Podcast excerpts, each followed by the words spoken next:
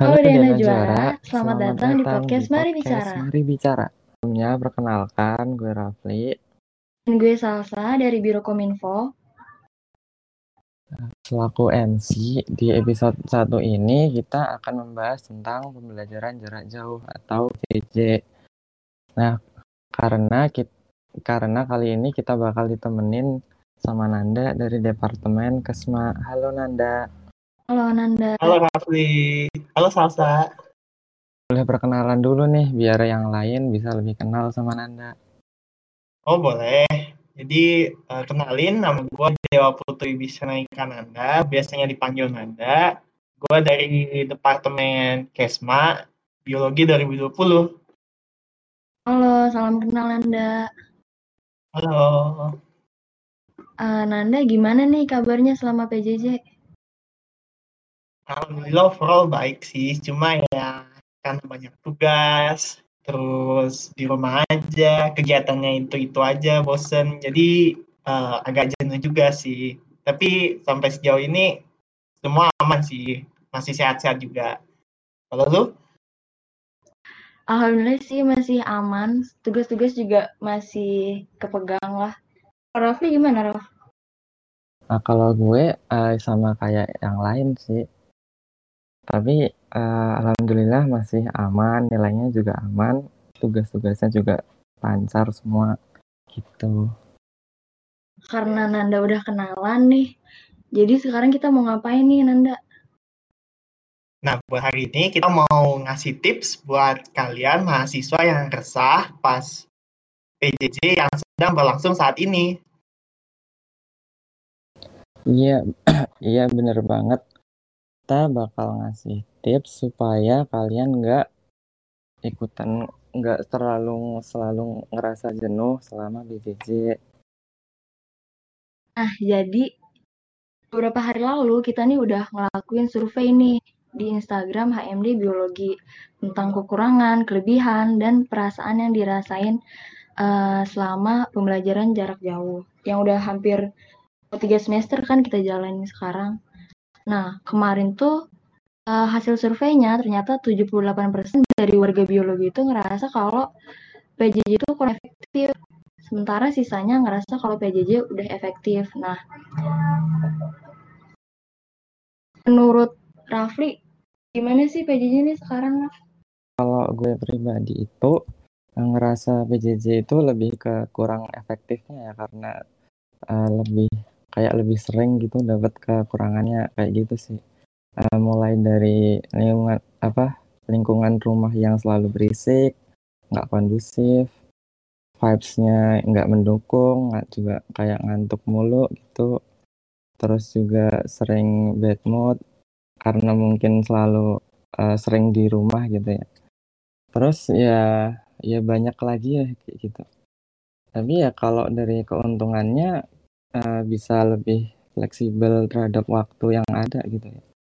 Bener banget sih karena kuliahnya online dan di rumah aja kadang uh, kondisi rumah juga nggak kondusif gitu kan kalau pas kuliah pas kelas terus ada juga uh, gangguan koneksi segala macem nah dari jawaban survei kemarin ternyata paling banyak tuh uh, warga biologi tuh ngerasa kalau tugasnya jadi lebih banyak nih dari biasanya dan materi kuliah juga jadi lebih susah untuk dipahami. Nah, kalau dari Nanda nih, gimana sih Nan cara mengatasi persoalan tersebut? Nah, uh, kalau dari gua nih kan uh, aku jawab satu-satu ya dari berbagai masalahnya. Yang pertama untuk masalah nggak fokus nih. Uh, kalau dari gua sih tipsnya itu lu bisa nentuin atau mencari tempat yang khusus untuk belajar kata gue uh, tempat yang sepi, yang adem, yang tenang gitu supaya kita kalau itu enak ininya apa namanya mencerna informasinya. Soalnya kan kalau di rumah kan kadang-kadang uh, beberapa orang kita uh, nggak sendiri ya ada sekarang juga sama lagi PJJ jadinya bisa berisik, bisa banyak distraksi juga. Nah, makanya penting banget nih buat nentuin tempat belajar. Untuk menghindari distraksi kayak HP, YouTube atau rasa ngantuk itu uh, kalau gue sendiri itu kalau lagi belajar coba HP-nya ditaruh dulu untuk beberapa menit terus nyelesain tugas. Nah, kalau tugasnya udah selesai baru bisa main HP lagi.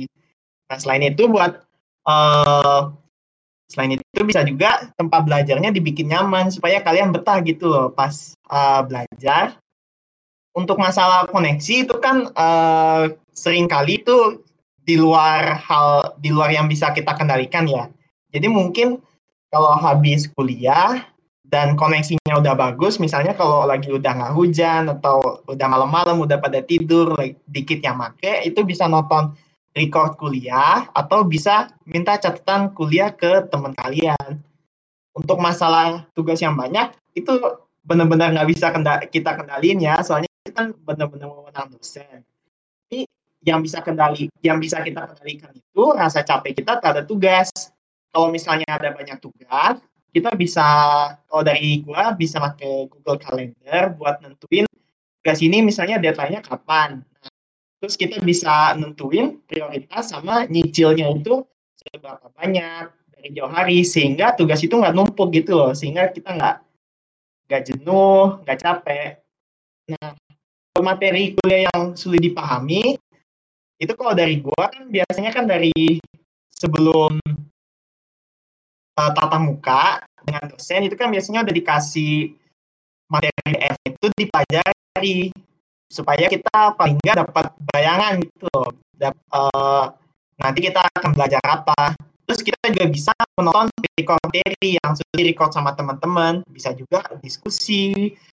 Dan yang paling penting uh, tentuin waktu belajar tentuin waktu istirahat. Jangan pas lagi belajar lu istirahat. Jangan pas lagi istirahat lu belajar. Pas belajar waktu belajar ya belajar.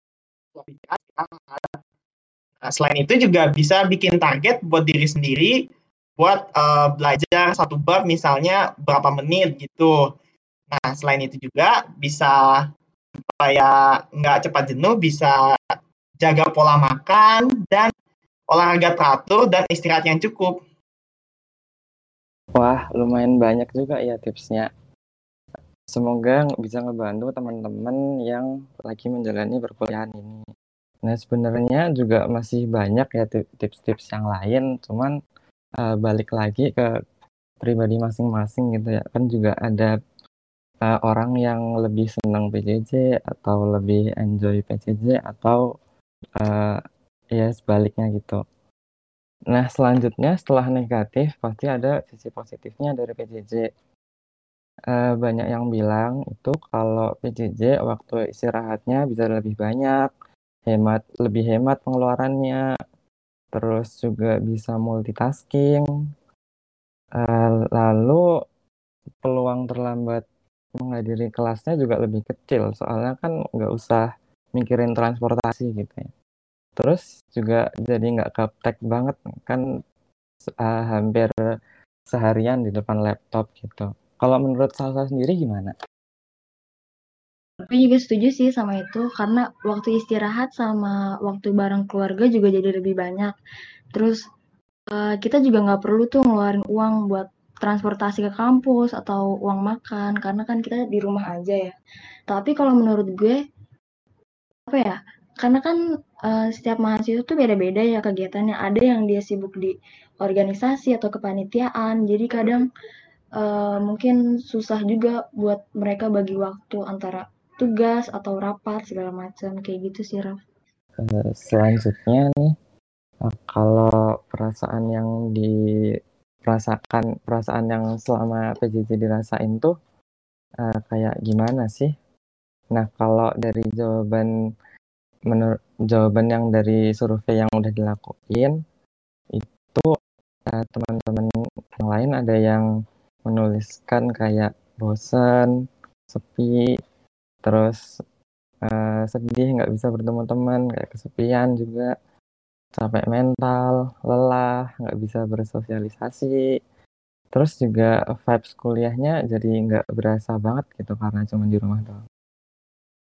Oh, kebanyakan yang dirasa tuh negatifnya ya. Nah, Nanda sendiri gimana Nan ngerasanya selama PJJ ini? kalau dari gue sendiri sih ya ya negatifnya paling yang paling kerasa itu rasa jenuh banyak tugas terus nggak ketemu teman ketemu sih tapi paling cuma lewat Google Meet kan kurang rasa gitu vibe-nya daripada ketemu langsung terus juga uh, karena PJJ lagi corona juga jadinya lebih sering di rumah nggak banyak eh kegiatannya itu itu aja gitu jadi yang paling pasti yang uh, kerasa itu jenuhnya sih gitu Nah, Nanda kalau misalkan bosen atau lagi jenuh gitu biasanya ngapain tuh Nan? Uh, kalau lagi bosen sih, kalau la biasanya lagi demot atau nggak mood sih ya gue nonton video YouTube atau gue scroll Twitter gitu nyampe mood gue balik berapa kayak 3 menit, 15 menit, sejam gitu ya. Pokoknya ya santai aja lah nyampe moodnya itu balik. Biarin mau nyampe jam 12 malam moodnya baru balik nggak apa-apa yang penting udah ada moodnya baru ngerjain lagi tugasnya gitu kalau dari gua berarti uh, nonton gitu ya nan tapi nemu hobi baru selama PJJ ini karena di rumah aja kan uh, ya sih lumayan ya karena di rumah hobi baru yang gue dapat itu gue jadi uh, sering masak tapi masaknya sih lebih sering lihat dari resep dari TikTok ya yang gampang-gampang sama yang tanaman sih kalau lu gimana kalau gue apa ya gue sempet nyoba juga sih nyoba kayak ngerajut gitu tapi gak selesai karena si. ada tugas lain kalau Rafli gimana Raf?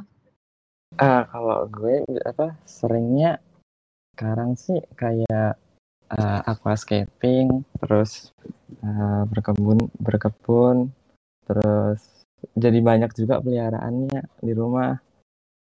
Uh, terus masak juga. Ya yang bisa dilakuin kalau lagi dapat ide kayak gitu sih. Lumayan ya Raf. Jadi ada skill baru gitu. Iya bener banget Oke, jadi itu tips yang bisa kita berikan. Semoga dengan tips-tips yang diberikan tadi bisa membuat kita jadi lebih semangat buat menjalani PJJ ini.